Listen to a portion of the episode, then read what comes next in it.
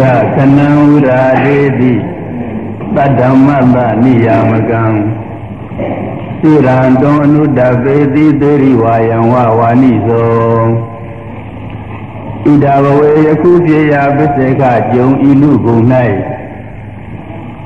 ခဏံဗုဒ္ဓဘာဒဒီမဘာဟုကြုံရလင်တောင်းအခွင့်ကောင်းကြီးကို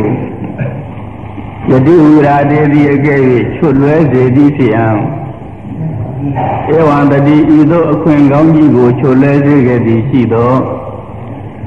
သေရိဝဝါနီဇောဝါသေရိဝမီရွယ်ကုန်သည့်ရောင်ဒေဝဒအလောင်းကဲ့သို့စီရန်ယခုတဘဝချွတ်ချောကလည်းဘဝတာရှည်မရေမတွက်နိုင်လေအောင်အနုတပေတိပဲ့ကိုင်ပြပြီးလေရင်ကြီးတို့ခยีတာရှည်ပူပန်း၍နေရပေလိမ့်တည်း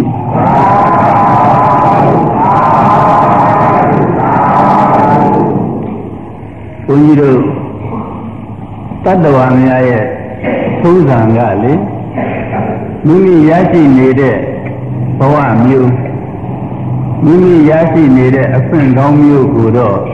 တန်ဖို့မထားဘူးမရသေးတဲ့အဲအကြောင်းအရာတွေအကျိုးတွေအဲ့ဒါတွေတော့သိမျှော်ပြီးတော့နေကြတယ် ယခုဘဝဟာနည်းနည်းကလေးကောင်းတာမဟုတ်ဘူး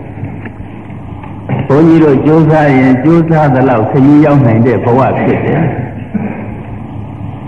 ဒီဘယ်လောက်ကောင်းတယ်လဲလို့ဆိုတာဘုန်းကြီးအရင်တစ်ကြိမ်တုန်းကအဲဗုဒ္ဓဘာသာမြန်မာလူမျိုးတွေ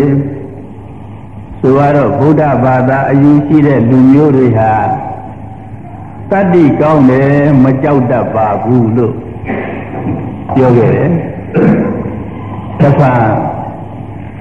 ဒီမြန်မာပြည်ဟာဗုဒ္ဓမြတ်စွာရဲ့အချိန်အဝါတွေမြေစီမြေလွာမြေဩဇာအတိပြန့်နှံ့ပြီးတော့နေတာဖြစ်တော့မြန်မာနိုင်ငံကိုဗုဒ္ဓဝါဒမှတပါအခြားဝါဒတွေဟာအပင်မပေါက်နိုင်ပါဘူးလို့ဘုန်းကြီးပြောခဲ့တယ်။ အဲ့ဒီပြောခဲ့တဲ့ဥစ္စာဟာအဲဘုန်းကြီးတို့အကြောင်းရှိတယ်။အဲ့ဒီအကြောင်းရှိတဲ့အနေကနှမျိုးတည်းမှာမြန်မာလူမျိုးဗုဒ္ဓဘာသာတွေဟာတတ္တိကောင်းတယ်လို့ဆိုတာကိုအကြောင်းတစ်မျိုးစဉ်းစားရမယ်မြတ်စွာဘုရားကိုရောမြတ်ကဒိဋ္ဌဝေယဟန်တို့ သံမှုတိပိကာသဗုဒိတ်ကျွန်း၌နေကုန်သောလူတို့သည်ဥဒရကုရုကေဥဒရကုရုအမည်ရှိတဲ့မြောက်ကျွန်း၌နေသူတို့ကို၎င်းခေဝေတာဝရိမေတာဝရိမနတ်တို့ကို၎င်းတိဟိဌာနေဟိသုံးဌာနတို့ဖြင့်အတေကဏ္ဍဒီသွမ်းဖို့၍ယူနိုင်ကုန်၏ဆိုလိုရင်းက သဗုဒ္ဓကျွန်းသူကျွန်းသားတွေကမြောက်ကျွန်းသူမြောက်ကျွန်းသားတဲ့ပါတဲ့အချက်သုံးဌာနရှိတယ်။သာဝရိမာနတ်တို့တဲ့ပါတဲ့အချက်သုံးဌာနရှိတယ်။တဒါအမိတ်လို့ရှိလို့ရင်းဖြစ်တယ်။အဲ့ဒီသုံးဌာနဟာဗာများတုံးလို့ဆိုတော့သူရာရဲသွမ်းတတ္တိရှိကြကုန်သည်၎င်းတတိမန္တောတတိကောင်းကြကုန်သည်၎င်း ဣဒာဤသဘုဒိတ်ကျွန်း၌ပရမစရိယဝါသောကောင်းမြတ်တဲ့အကျင့်ကိုကျင့်သုံးနိုင်ခြင်း၎င်းအဲ့ဒီသုံးဌာနဟာအမတန်ချမ်းသာပါတယ်လို့ဆိုနေရတဲ့မြောက်ကျွန်းတဲ့လည်းပါတယ်အမတန်ကိုမှချမ်းသာပါတယ်စိစိမ်အမတန်ကြီးကျယ်ပါတယ်လို့ဆိုတဲ့သာဝရိန္ဒနတ်တွေတဲ့လဲပါတယ်တဲ့ဒီသုံးဌာနဟာ အဲ့တော့ဘုန်းကြီးကပထမဌာနကိုပြောမယ်သူရရဲစွမ်းတတ္တိရှိကြကုန်ဒီ၎င်းလို့ဒီသဘုဒိတ်ကျွန်းသားလို့ဆိုတော့ဘုန်းကြီးတို့ကဒီနေရာမှာဘုန်းကြီးတို့မြန်မာနိုင်ငံကိုပဲဥစားပေးပြီးတော့ပြောကြကိုမြန်မာနိုင်ငံသူနိုင်ငံသားတွေဟာသဘာဝအတိုင်းစစ်စစ်မှန်မှန်ဆိုရင် သူရာရဲ့သံတတိရှိကြကုန်ဒီ၎င်းဆိုတဲ့ဒဒီအကြောင်းနဲ့ပြည့်စုံရမယ်တဲတတ္တိကောင်းတယ်ဘာဖြစ်လို့တတ္တိကောင်းတယ်လဲလို့ဆိုတော့ဘုန်းကြီးတို့တခုကြည်စမ်း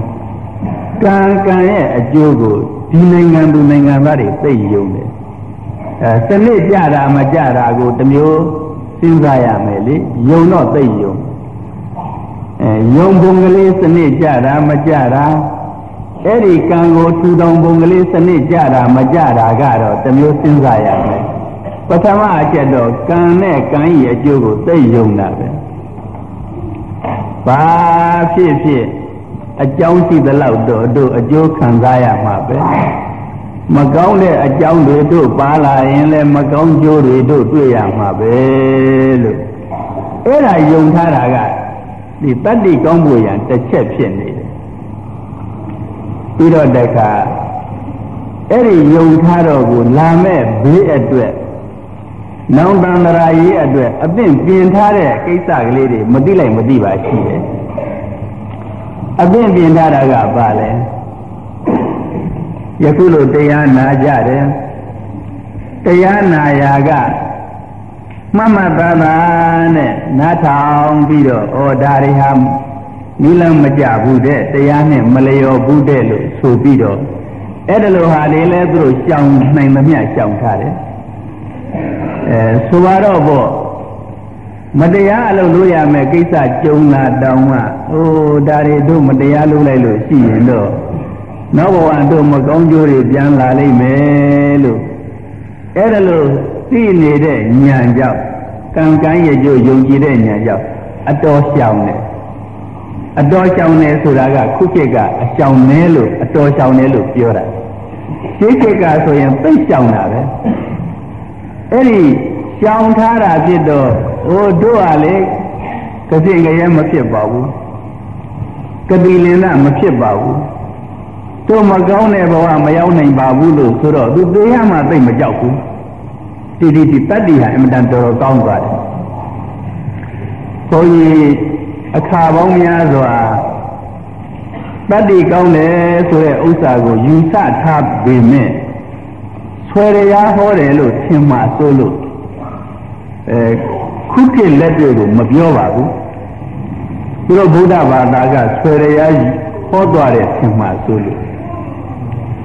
ဟိုတခါတုန်းကတရင်စာထဲမှာ ဒီတက္ကသိုလ်ဘုံနိုင်ဆိုတဲ့သူရဲ့ဆောင်းပါးကိုတွေ့လိုက်ရတယ်အဲ့ဒီတက္ကသိုလ်ဘုံနိုင်ဆိုတဲ့အဲတက္ကကအမေရိကမှာသူပညာသင်နေတယ်အမေရိကမှာပညာသင်နေတဲ့အချိန်မှာဟိုအမေရိကန်သမတရဲ့ အဲယူရှားကကောင်းဆောင်ခရုချက်တို့ရဲ့အစည်းအဝေးတစ်ခုမှာစကားပြောအကြီးကျယ်မတဲ့လို့စိတ်ဆိုးမှန်ဆိုဖြစ်ပြီးတော့ပြန်သွားကြရတယ်အဲ့ဒီခါမှာအနုမြူဘုံတော့အနုမြူစစ်တော့ဖြစ်တော့မှာပဲလို့ဆိုပြီးတော့အမေရိကန်နိုင်ငံသူနိုင်ငံသားတွေသိကြောက်သွားတယ်တဲ့သူဆောင်းပါကအမေရိကန်နိုင်ငံသူနိုင်ငံသားတွေဘယ်လောက်ကြောက်တယ်လဲလို့ဆိုတော့ သူဈေးဆိုင်တစ်ခုကိုတွားပြီးတော့ဈေးဝယ်တယ်သူလည်းပဲမျက်စိမျက်နှာပြက်ပြက်နဲ့စကားပြောနေကြတယ်အဲဈေးဝယ်လာတော့သူမတတ်ပါလို့ဈေးထပြီးတော့ကိုရောက်တယ်ရောက်တော့ပိုက်ဆံအန်းတဲ့ဥစ္စာဟာအဲထုံးစံအတိုင်းဆိုရင်ဘယ်တော့မှအပူအလိုမရှိတဲ့လူတွေဟာအမျိုးသမီးတယောက်ပိုက်ဆံအန်းတော့ပိုက်ဆံတွေပိုးအန်းလိုက်တယ်တဲ့ သူတို့စိတ်တွေဘယ်လောက်ခြောက်ချားနေတယ်ဆိုတာဒီတော့ဒီကအာခမရပိုက်ဆံတွေပိုးအန်းတယ်အာမဟုတ်ပါဘူးကျုပ်ဘယ်တော့မှမပိုးပါဘူးဆိုဟောသူတို့ကြာကြာကြည်သားမအောင်ဆိုတော့သူတို့ကြာကြာကြည့်တော့မှအာဟုတ်တယ်ကျုပ်တို့စိတ်တွေဘယ်လိုဖြစ်နေတယ်လို့ဆိုတာပြောတော့အဲခမရဘာခမရစိတ်တွေဘာဖြစ်နေတယ်လို့ဒီကမေးတယ်တဲ့ဟောကျန်မသိဘူးလားဘာဖြစ်နေတယ်ဆိုတဲ့ဥစ္စာတွေကတဏှာလုံးဘာဖြစ်နေတယ်ဆိုတာမသိဘူးလားခုအနုမြူစစ်ဖြစ်ဖို့ရန် အကြောင်းဖြစ်နေတယ်အနုမြူစစ်ဖြစ်လို့ရှိရင်ဖြင့်အကုန်လုံးပြေကြတော့မှာပဲအဲအချင်းကမသိဘူးလားလို့သူ့ကိုခန့်မမှန်နဲ့ပြန်ပြောတယ်တဲ့ကျုပ်သိပါပဲလို့ဆိုတယ်သိရင်ချင်းမကြောက်ဘူးလားလို့ဆိုတယ်ဟိုကြောက်နေကောင်ဘာဖြစ်အောင်မှာတော့ဘာတတ်နိုင်အောင်မှာတော့သူတော့လည်းပဲကျွတ်တူတော့ရဲရဲပြလိုက်မှာပဲကြောက်တော့လည်းဘာအသေးရလွတ်မှာတယ်လားလို့ဆိုပြီးတော့သူကတရားစကားခတ်ဆန်ဆန်နဲ့ မြန်မာပြည်ပြည်ပြန်ပြီးတော့ပြောတယ်တဲ့သူတို့လူတွေအင်မတန်ကြောက်နေကြတယ်တဲ့မိမိတို့မြန်မာနိုင်ငံကသွားတဲ့ကျောင်းသားတွေတော့မကြောက်ပါဘူးတဲ့ပျော်ပျော်ပဲစားနေတာပဲပြီးတော့လည်းပျော်ပျော်ပဲပြလိုက်ကြမှာပါပဲတဲ့ပြီးတော့ဒီတတ္တိဘယ်ကရတယ်ဒီမြန်မာကျောင်းသားတွေတတ္တိဟာဘယ်ကရတယ်လဲလို့ဆိုရင်ငကိုယ်တော့ကကန်းကန်းရဲ့အကျိုးကိုတော်တော်လေးလေးလာလာကလေးဒီရုပ်ပလာကသိနေတာဖြစ်တော့ကံပေါ် ဘိုးပြောများနဲ့ပေါ့ဘာကြောက်เสียရှိတယ်လဲအကဲသိသွားတော့ကတို့ကဘာမကောင်းတာတွေလုပ်နေတော့တို့သိသွားတော့သိသွားတော့တို့လည်းကောင်းတဲ့နေရာရောက်မှာပေါ့လေအဲ့ဒါလို့အနေမျိုးနဲ့သူတို့နိုင်ငံသူနိုင်ငံသားတွေတဲ့တတ္တိပါခဲ့ပါတယ်တဲ့အဘုန်းကြီးကတည်းကသောစေကလေးကဒီအသွင်းမျိုးတွေ့တာလားဘုန်းကြီးတို့တတ္တိတွေဟာသိပင်နိုင်ငံကသူတွေတဲ့သားနေတယ်လို့ဆိုတာဘုန်းကြီးကယူဆနေတယ် အရမ်းမဲ့ယူဆတာမဟုတ်ဘူးဒီအကြောင်းတွေအကြောင်းတွေကြည့်နေလို့တို့သားနေတဲ့တတ္တိအကဲ၍များတိုက်เสียခိုက်เสียရှိလို့ရှိရင်လူဥယျာဉ်ချင်းလဲဒူးမဲလက်နဲ့ချင်းလဲဒူးမဲဆိုရင်မြန်မာကဘယ်သူမှမကြောက်ဘူး။ဟိုရှိတော့ကလည်းမြန်မာလူမျိုးတွေကမကြောက်ခဲ့လို့ကိုပဲသူများကိုသွန်းလာခဲ့သေးတယ်။ဒီအထင်ကြီးရာကမှပြန်ပြီးတော့ကြသွားလို့မြန်မာလူမျိုးမကြောက်ဘူး။ အမျိုးကြောင့်မကြောက်တာမဟုတ်ဘူးဘာသာအယူဝါဒကြောင့်မကြောက်တာပို့ပြီးတော့ပါလာတယ်။တခါအဲဒီပြောမိလက်စနဲ့ပေါ့လေဘာသာရေးကိုဘုန်းကြီးကဒီအသားယူပြောတယ်လို့တော့မဖြစ်ချင်ပါဘူးဒါပေမဲ့ယခုကဘာမှာကုလသမဂ္ဂထိတ်တန်းရောက်နေတဲ့ဥတ္တဟာဘုန်းကြီးတို့မြန်မာလူမျိုးဥတ္တဟာဘာဖြစ်လို့ဒီလောက် လောကဘက်ကတိုးတက်ပြီးတော့နေတဲ့လူတွေရဲ့ထိတ်တန်းမှာအကြံဉာဏ်တွေကိုရဲရဲတောက်ပေးပြီးတော့နေနိုင်တယ်လေလို့ဆိုတော့ဥပ္ပံဗုဒ္ဓဘာသာစစ်စစ်ကြီးပဲဗုဒ္ဓဘာသာစစ်စစ်ဆိုတော့ခုနကအရေးချင်းတွေကံကံရဲ့ကြိုယုံကြည်တဲ့အရေးချင်းတွေဘာတွေဘာတွေအပြည့်အစုံရှိအဲဒါကြောင့်ဟိုတခြားနိုင်ငံကနိုင်ငံကြီးတယ်ကြီးတော့ဒင်းလို့လုံနေဘုံကတရားတာမဟုတ်ဘူး ဆိုတော့အမေရိကတို့ဆန်ရမ်းနဲ့နောက်လိုက်တစုကလည်းသူတို့ဘက်ကသာသူတို့ရက်ပြီးတော့လုံနေတဲ့ကဘာကြီးငြိမ်းချမ်းအောင်လို့ပြောပေမယ်လို့ဟိုဒီချားတို့ဘက်ကလည်းပဲသူတို့ဆိုင်ရာသူတို့ဘက်ကိုရက်ပြီးတော့အဆင့်တန်းမြင်လာအောင်လုပ်နေတယ်ပြောတော့ကဘာကြီးငြိမ်းချမ်းအောင်လို့ပြောတယ်စိတ်ကမယိုးတော့ဘူးအဲ့ဒါဥဒ္ဒမြင်တယ်ဘုန်းကြီးလည်းမြင်တယ်ဥဒ္ဒကတကယ်ကိုရိုးရိုးသားသားနဲ့ဟိုဘက်ရောဒီဘက်ရောကဘာကြီးတကယ်ငြိမ်းချမ်းအောင်လို့စကားပြောတော့သူတို့ မကန့်ကွက်နိုင်ဘူးပြီးတော့ဥဒ္ဒကရဲတာပေါ့လူချင်းရှင်းကြည့်တော့လေသူတို့ကဟုတ်တယ်အရာမောင်းနဲ့သားပါရဲ့လောကီပညာတွေလည်းသာပါရဲ့ဒါမဲ့စိတ်လေစိတ်ဓာတ်တွေဘာတွေကဘုန်းကြီးတို့ဥတ္တန်တို့လိုမဖြူစင်ဘူးမဖြောက်မှဘူးဘုဒ္ဓဘာသာတွေလိုအစစ်အမှန်လမ်းမှန်ကိုမလိုက်ဘူးအဲ့ဒီတော့သူတို့လိုလူကိုဥတ္တန်ကမကြောက်ဘဲနဲ့ရဲရဲတောက်စကားပြောဝင်တယ်အဲ့ဒါဗုဒ္ဓဘာသာရဲ့တတ္တိဗုဒ္ဓဘာသာရဲ့အရှိတ်နဲ့ ဒါကြောင့်ဗုဒ္ဓမြတ်စွာကဒီဇဂုဒိတ်ကျွန်းလို့ဘုရားရှင်ကဟောတယ်ဘုန်းကြီးကအဲမြန်မာလူမျိုးတွေဗုဒ္ဓဘာသာဟာခုသိပြီးတော့အရှင်တန်းကောင်းတဲ့ဗုဒ္ဓဘာသာတွေလုတ်ပုံကိုင်ပုံအတွင်းကတော့ညံ့ပါတယ်။ဘာဖြစ်လို့သိပြီးတော့ကောင်းတယ်လဲလို့ဆိုတော့ကဒီဗုဒ္ဓဘာသာနိုင်ငံတွေထဲမှာဒီထေရဝါဒဆိုတဲ့နိုင်ငံကဝိရကတော်ကိုမှန်မှန်ကန်ကန်ဆောင်ရွက်ပြီးတော့လာခဲ့တဲ့ဝါဒ အဲ့ဒီဝါဒကိုကိုယ်ဝယ်တဲ့နိုင်ငံကဟိုတလောတမန္နာတင်တော့၅နိုင်ငံလောက်ရှိတယ်ဒီပြင်ဗုဒ္ဓဘာသာအခေါ်ခံတဲ့နိုင်ငံတွေကတော့ထေရဝါဒမဟုတ်ဘူး။သူတို့အယူတွေထဲမှာအသင်မပြေတာသဘာဝမကြတာတွေဘုန်းကြီးတို့မြင်ထားတယ်။တလွယ်လွယ်ကလေးမြင်တာတမင်၌စမ်းသပ်ရှာဝေးနေရတာမဟုတ်ဘူး။သူတို့သူတို့ကသဘာဝမကြတဲ့အယူအဆတွေဟာကြည့်တော့သူတို့တဲ့တော့ထေရဝါဒနိုင်ငံတွေကသာတယ်။ အဲ့ဒီထေရဝါဒနိုင်ငံတွေထဲမှာလည်းပဲသတ္တသံဃာနာတိတို့ကစုကြပေါင်းကြတဲ့အခါကြတော့ပညာအရေးချင်းဒီဘက်ကသားနေပါတယ်အတွင်းမကောင်းတာတော့ဘုန်းကြီးသိပါတယ်မကောင်းတဲ့အချက်တွေတော့ဒါမှပညာအရေးချင်းဒီကကောင်းကောင်းကြီးသားနေတယ်ဒါကြောင့်မြန်မာလူမျိုးတွေဟာလေဗုဒ္ဓမြတ်စွာရဲ့အရှိန်ကိုအကြောင်းပြုပြီးတကလားတတ္တိကောင်းတယ်လို့ဆိုတဲ့ဥစ္စာရှင်းရှင်းရှင်းရှင်းကြည့်တော့ယဟန်ဘာငါတော်ချင်းရှင်းကြည့်တော့လေဒီကတတ္တိကောင်းတယ် လူချင်းရှင်းကြည့်တော့လေဒီကလူတွေတတ္တိကောင်းတယ်ဟိုတက္ကသိုလ်ကျောင်းသားအပြင်နဲ့သွားနေတဲ့တက္ကသိုလ်ဘုံနိုင်တို့လည်းတတ္တိပြခဲ့ဆိုတော့မြန်မာလူမျိုးတွေဟာတတ္တိအမတန်ကောင်းတယ်တမျိုးလုံးကောင်းတယ်ဗုဒ္ဓဘာသာတမျိုးလုံးကောင်းပါတယ်ဒါကြောင့်ဘုရားရှင်ကိုရောမြတ်ကရဲရင်တဲ့တတ္တိနဲ့စာလို့ရှိရင်တာဝရိမာနတ်တွေတည်းလည်းပါပါတယ်တဲ့ဘုရားရှင်ကိုရောမြတ်ကတာဝရိမာနတ်တွေဒီလောက်တတ္တိမကောင်းဘူးတဲ့ တခါဘုရားမြတ်စွာကတတိအမနံကောင်းတယ်တဲ့ဒီဒီဒီသမုဒိတ်ကျွန်းသူကျွန်းသားတွေတတိအမတန်ကောင်းတယ်လို့ဆိုတဲ့တရားအရာကတော့ဆိုတော့မြန်မာလူမျိုးတွေကြည်တော့ဘုန်းကြီးကမပြောကျင်ဘူးတတိဆိုတဲ့ဥစ္စာဉာဏ်နဲ့ရှင်းပြီးတော့အမျော်မြင်ရှိတာကိုတတိလို့ခေါ်တယ် ဉာဏ်နဲ့ရှင်းပြီးတော့အမျော်မြင်ရှိတဲ့တတိတွေပြီးခဲ့တဲ့အကြောင်းအရာတွေကိုပြန်ပြောင်းပြီးတော့အောက်မေ့နိုင်တဲ့တတိတွေအဲ့ဒီအမျောခေါ်ဒီကောင်းတဲ့တတိအဲ့ဒါတွေကတော့မြန်မာလူမျိုးမှရှိတယ်လို့ဘုန်းကြီးကမပြောချင်ဘူးဘုဒ္ဓဘာသာစစ်စစ်ကတော့ရှိတယ်ဘုဒ္ဓဘာသာစစ်စစ်ကအမျောခေါ်အင်မတန်ကောင်းတဲ့တတိရှိတယ်အမျောခေါ်ကောင်းတယ် ပြန်ပြောင်းပြီးတော့အောက်မေ့တဲ့တတိတွေအင်မတန်ကောင်းတယ်ဒါတာဝရိနာနတ်တွေတဲ့သားတယ်တော့တာဝရိနာနတ်တွေတဲ့သားတယ်ဆိုတဲ့ဥစ္စာကိုဘုန်းကြီးဝတ္ထုတစ်ခုပြောပြမယ်ဘာဖြစ်လို့သာသလဲဆိုတဲ့ဥစ္စာလဲဘုန်းကြီးအကြောင်းရှာကြည့်တယ်တခါတုန်းကတာဝရိမာနတ်ပြည်မှာဥယျံပွဲတစ်ပွဲရှိ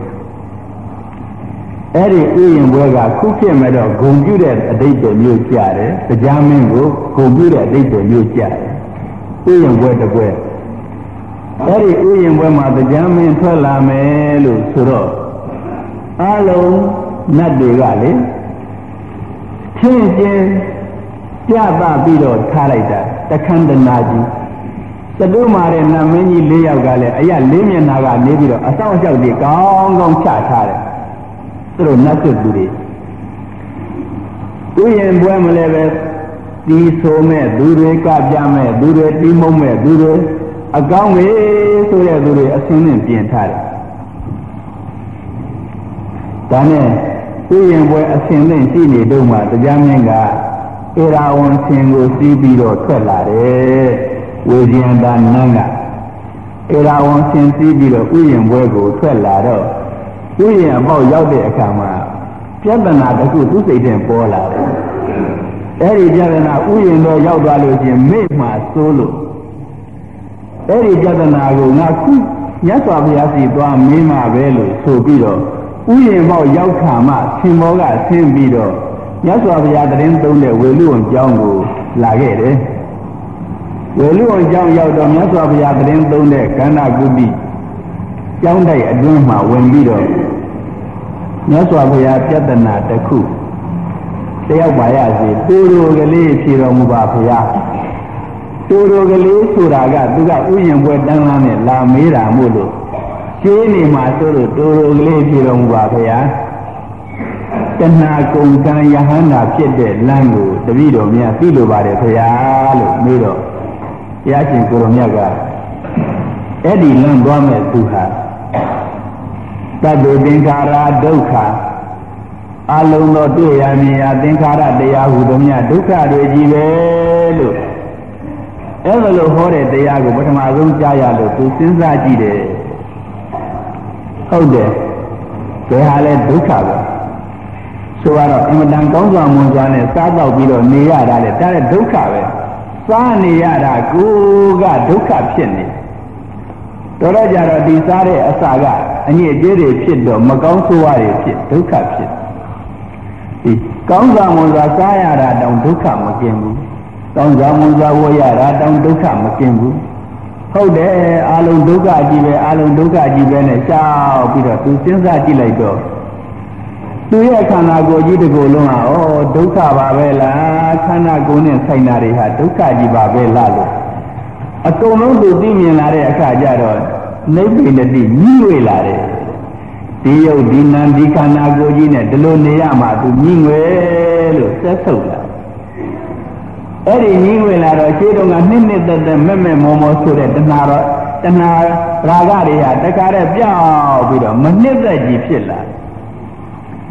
အဲ့ဒီမနှစ်သက်ကြီးဖြစ်လာရာကတခါတည်းရှေ့တိုးတက်ပြီးတခါလား ဒီခန္ဓာကိုယ်ဒီယုံနာလေးနဲ့အလွတ်ယုံသွားတဲ့မဲ့တရားကိုတရားရသွားတယ်လို့မြတ်စွာဘုရားကတူလေးဟောလိုက်တယ်။ဒါကြောင့်မလဲဒီတရားကိုသူနာပြီးတော့သာဓုသာဓုသာဓုလို့အဲ့ဒါလို့ခေါ်ပြီးပြန်သွားတယ်။မြတ်စွာဘုရားဟောတော်မူတုန်းကတော့ဘုရားအပန်တော်ဆိုတဲ့ဥစ္စာတယောက်ဆိုရင်တယောက်ပဲကြားတယ်အဖို့မသွားဘူး။ တရားမင်းကသာဓုခေါ်တဲ့အခါကျတော့ဒီလိုမဟုတ်ဘူး။အပန်ထုံးစာနဲ့ပြန်သွားတော့ကိုယ်ပဲအခါမှာတင်းသုံးတဲ့အရှင်မောကလန်ကကြားရော။ဩဒီအတန်ဟာတာဓုခေါ်တာတရားပံပါလား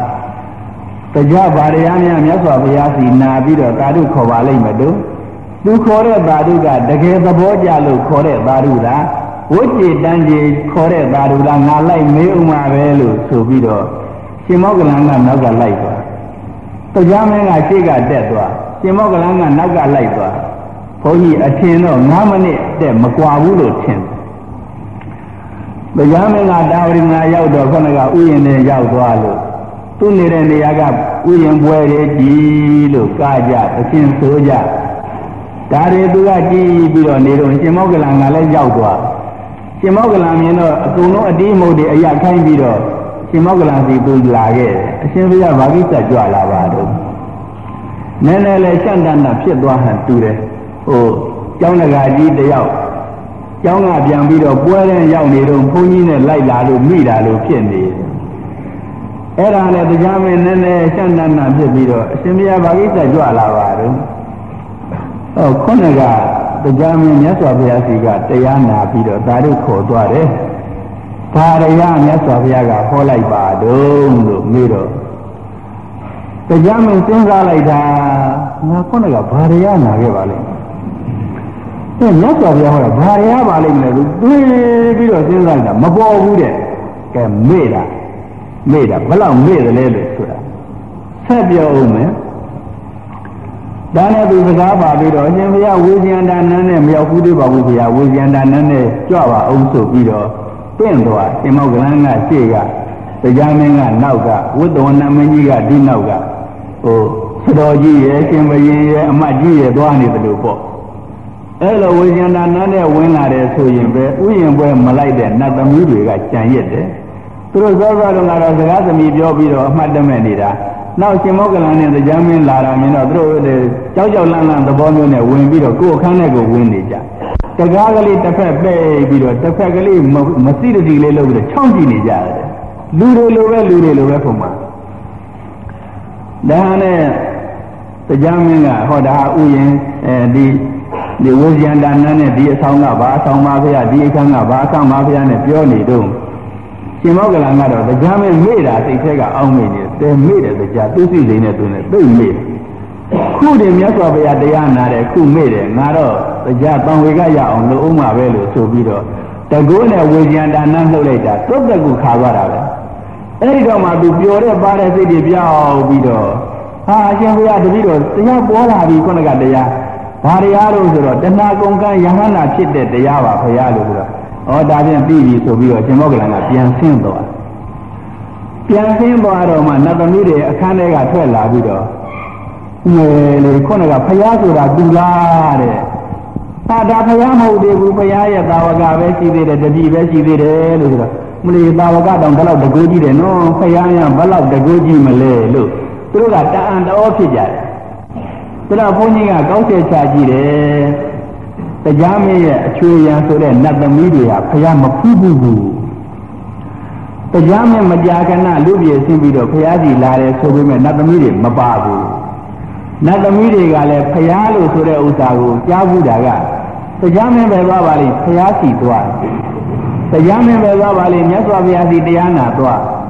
အဲ့ဒါလိုစကားပန်းကြောင့်ဖះဆိုတဲ့စကားလုံးကသူတို့ကြားဘူးတယ်ဖះမဖူးဘူးဆိုတော့တာဝရိနာနတ်ပြည်အလကနတ်ပြည်ဘုန်းကြီးကအလကအလကဒီနတ်သမီးဆိုတဲ့သူတွေလည်းဖရာကိုလေးလေးစားစားနဲ့မဖူးဘူးတရားမင်းကလည်းပဲသူ့နတ်သမီးတွေကိုဖျားစီကိုခေါ်မသွားဘူးပြီးတော့အဲ့ဒီတရားမင်းကိုယ်တိုင်လည်းပဲတရားသူနာကျင်နှုံးလို့ပြဿနာမေးပြီးတော့ပြန်လာတဲ့ ခဏကလေးအတော်တင်မှာတရားကိုမေ့ပြစ်တယ်ဒါကြောင့်မြတ်စွာဘုရားကဒီသဘူရိတ်ကျွန်းသူကျွန်းသားတွေကအင်မတန်တတိကောင်းတယ်တာဝရိနာနတ်တွေတဲ့လက်ပါတယ်လို့ဘုရားရှင်ဟောတော်မူတဲ့ဥစ္စာဟောဒီဝတ္ထုဟာအထောက်တာရကဖြစ်နေတယ်။ပါတယ်ဘုန်းကြီးတို့ဒီကဘာဖြစ်လို့သူတို့ကတတိမေ့ကြစီစဉ်တွေကအင်မတန်ကြီးကျယ်တာကိုခုနကနတ်တွေကတီးလိုက်မှုတ်လိုက်ကားလိုက်ခုံလိုက်ဆိုတော့ အဲ့ဒီမှာစိတ်ကတခါတည်းသိမ့်ပြီးတော့အဲ့ဒီဘက်ကုန်းသွားလိုက်တာအဲ့ဒီတရားတာမန်တရားမဟုတ်သောတာပန်ဖြစ်ပြီးသားတရားသောတာပန်ဖြစ်ပြီးတရားတောင်းမှဒါတော့မေ့သေးတယ်အဲ့ဒီနတ်စည်းစိမ်ကဘယ်လောက်ကြီးကျယ်တယ်ဆိုတာကြည့်တော့တော်တော်ဘုန်းကြီးတို့တွေကအမှတ်တမဲ့နဲ့အမတာဝိမာနတ်ပြေကြတော့ဘာတရားတွေကဘယ်လိုရလိမ့်မယ်လေပါလိမ့်နဲ့ဟုတ်တယ်ဘုန်းကြီးက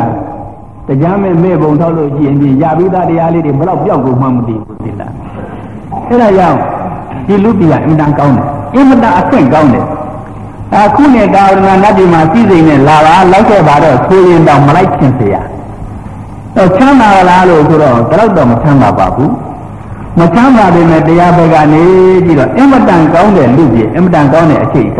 တာဝရဏနတ်ပြည်တဲ့သားတယ်သူတို့ကဘာဖြစ်လို့တတိမေးကြတော့စီစိမ်တွေကကြီးကျယ်ဆုံးလို့တတိမေးတယ်ဒီကဘာဖြစ်လို့ဘယ်တော့တတိမမေးတော့အဲ့ဒါတော့စီစိမ်တွေကမဖျားရောက်ဘူးဆိုရတဲ့ဘောခုနကကျောင်းတကာကြီး အဲမိမိဆရာတော်ကြီးကတရားလေးနားပြီးတော့ပြန်လာအိမ်ကြတော့အဲပွဲကြည့်ပွဲကြည့်ပြီးတော့နေတော့မှပွဲကပြန်လာတော့သာကျောင်းတကာကြီးပွဲကပြန်ဟုတ်တယ်ပွဲကပြန်လာတယ်ဟိုဘုန်းကြီးစီကဆရာတော်ကြီးစီကဘာများနာရတော့အာဘာရရဘာရရဟောတယ်အကုန်လုံးတတိရတယ်ပွဲကြည့်နေမယ်လို့ပွဲကတော့ဆွဲမပါဘူးတော့ဆောင်းမပါဘူး ဟိုတာဝရိနာကြတော့ဆောင်းသွားတယ်ကိုသူတို့စီစိန်တွေကဆောင်းသွားတယ်ဒါကြောင့်တတိမေ့တယ်ဘုန်းကြီးတို့စီကတတိတလောက်မမေ့ပါဘူးဒါကြောင့်တတိကောင်းခြင်းအပြင်နဲ့တာဝရိနာနတ်တို့တဲ့သာပါတယ်လို့အဲ့ဒါဘုရားရှင်ကိုရောမြတ်ကဟောတော်မူတယ်ဟောတော်မူတော့ဘုန်းကြီးကဒီနာမလေးဘာသာရေးတရားကိုတတိထားစေခြင်းတဲ့တတိဆိုပေမဲ့ညာနဲ့ရှင်တဲ့တတိ အဲ့ဒီဉာဏ်နဲ့ရှင်တဲ့တတိဟာအမျောခေါ်အသေးခေါ်သိကောင်းတာပဲ။ဘာဖြစ်လို့အမျောခေါ်အသေးခေါ်တွေပိုကောင်းတာလဲလို့ဆိုတော့ဉာဏ်ကသိပြီးတော့လမ်းပြတာကိုအမျောတွေသိကောင်းသွားတာပဲ။သိပြီးတော့ရှင်းအောင်လုံးမြစ်တွေပြန်ပြီးတော့စစ်ဆေးလို့လည်းမှတ်မိတာပဲ။ဒါဘုန်းကြီးကတတ်ပြီးကောင်းတာကိုဘုန်းကြီးပြောခဲ့တယ်နော်။ဒီနိုင်ငံဟာဗုဒ္ဓဘာသာ အစိမ်အဝါတွေရေမီတွေအထိပြန့်နှံ့ပြီးတော့ဝင်နေတယ်ဗုဒ္ဓဝါဒမှတပတ်တခြားဝါဒမပြန့်နိုင်ပါဘူးလို့ဘုန်းကြီးကပြောခဲ့ပြီးမြဲဗုဒ္ဓဝါဒကိုထိမ့်သိမ့်နိုင်တဲ့တတ္တိရှိတဲ့သူတွေမှဒီဗုဒ္ဓဝါဒမပြောက်မှာတလုံးမှမဟုတ်လို့ရှိရင်ဗုဒ္ဓဝါဒပျောက်เสียရတယ်အများကြီးအကြောင်းရှိတယ်တစ်ခုပြောမယ်ယခုခေတ်မှာ ဟိုစဘာကြိုက်နေကြလဲစဘာကြိုက်နေကြလဲဟာရေကလေးမှန်မှန်ရမှမိုးကလေးကရွာမှစဘာကြိုက်တဲ့သူကလည်းပဲစဘာကျိုးစာမင်းသားနဲ့ဆိုင်ပြီးတော့စောစောကလည်းတိတိကျကျထုံမှဒီစဘာဟာမှန်မှန်ပေါက်တယ်အဲလိုမဟုတ်လို့ထုံလုံးကလည်းပေါ်ပေါ်ဆဆထုံမိုးကလည်းကောင်းကောင်းမမှန်ရေကလည်းကောင်းကောင်းမရဆိုတော့စဘာကြိုက်တဲ့မြေကြီးမယ်လို့ မဖြစ်ဘူးနှစ်တိုင်းစဘာဆိုင်တော့ပြက်ကုန်တယ်စဘာအစရေကလောက်မလိုတဲ့ဒိဋ္ဌိပစ္စည်းဆိုင်ပါပဲလို့ဆိုလို့ချင်းစဘာဆိုင်တဲ့မိဟာဒိဋ္ဌိပစ္စည်းဝင်သွားပြီးတော့ဒိဋ္ဌိပစ္စည်းဆိုင်တဲ့မြေပဲဖြစ်တော့မှာပဲဆိုတော့ဘုန်းကြီးတို့ဗုဒ္ဓမြတ်စွာရဲ့သာသနာတော်ပြန့်နှံ့ရာဖြစ်တဲ့ဒီမြန်မာနိုင်ငံဟာဘုန်းကြီးကထိတ်တာပါဘုန်းတော်ကြီးတွေကထိတ်တာပါ ဗုဒ္ဓမြတ်စွာကိုကိုးကွယ်တဲ့တရားဓမ္မတွေကထိမ့်တာပါဘယ်ဝါဒမှမပါနိုင်ဘူးအဲအဲဘုန်းတော်ကြီးတွေကထိမ့်မထားနိုင်ဘူးအဲဗုဒ္ဓမြတ်စွာကိုးကွယ်တဲ့တရားဓမ္မတွေကလည်းဘာသာရေးကိုကောင်းကောင်းထိမ့်မထားနိုင်ဘူးဆိုရင်သဘာဆိုင်နေကြမြေကိုဒိဋ္ဌိဝါလာပြီးတော့စိုက်တော့လဲဖြစ်တယ်လို့ပဲဒိဋ္ဌိဝါဒတွေအလွယ်တကူစိုက်လို့ရပါလိမ့်မယ်ဒါကြောင့်ဘုန်းကြီးကကိုယ်တော့ကတော့အချိန်ကများများမရလို့ အာဒိဋ္ဌိဝါဒမပေါက်နိုင်ဘူးလို့ဒိဋ္ဌိဝါဒမဖြစ်နိုင်ဘူးလို့ဆိုတယ်ထိမ့်မထရင်ဖြစ်မယ်စဘာဆိုင်နေကြမြေဟာစဘာဆိုင်နိုင်လောက်အောင်မြေတွေဘာတွေဘာတွေမပြည့်စုံလို့ကြည့်ရင်ဝါလာဆိုင်မယ်ဝါဆိုင်ရင်ဝါမြေပဲဖြစ်မှာပဲနှမ်းဆိုင်ရင်နှမ်းမြေပဲဖြစ်မှာပဲတောင်းထိတ်တာကိုနည်းနည်းကလေးလိုတာမဟုတ်ဘူးအများကြီးလိုတယ်ဗုဒ္ဓမြတ်စွာက ငါဘုရားသာသနာကိုအပြင်ဘက်ကဖြက်လို့မပြတ်ပါဘူးအတွင်းမှာနေတဲ့ဘိက္ခုဘိက္ခုနီဥပါဒကဥပါတိကာတို့ဖြတ်မှပြတ်မှာပါလို့ဘုရားရှင်ကိုတော်မြတ်ကအတိလင်းဟောတော်မူပြီးတော့ဘိက္ခုဘိက္ခုနီဘိက္ခုနီမရှိဘူးဒီလိုက်ရင်ဥပါဒကဆိုတာဒီတရားဒဂမတွေဥပါတိကာမတွေဆိုတာဘယ်လိုဖြက်လို့ပြတ်မှာတော့လို့ဆိုတော့ ဗုဒ္ဓမြတ်စွာကိုမယိုသေးဘူးဗုဒ္ဓမြတ်စွာရဲ့တရားတော်ကိုမယိုသေးဘူးဗုဒ္ဓမြတ်စွာရဲ့အရိယာသံဃာတော်တွေကိုမယိုသေးဘူး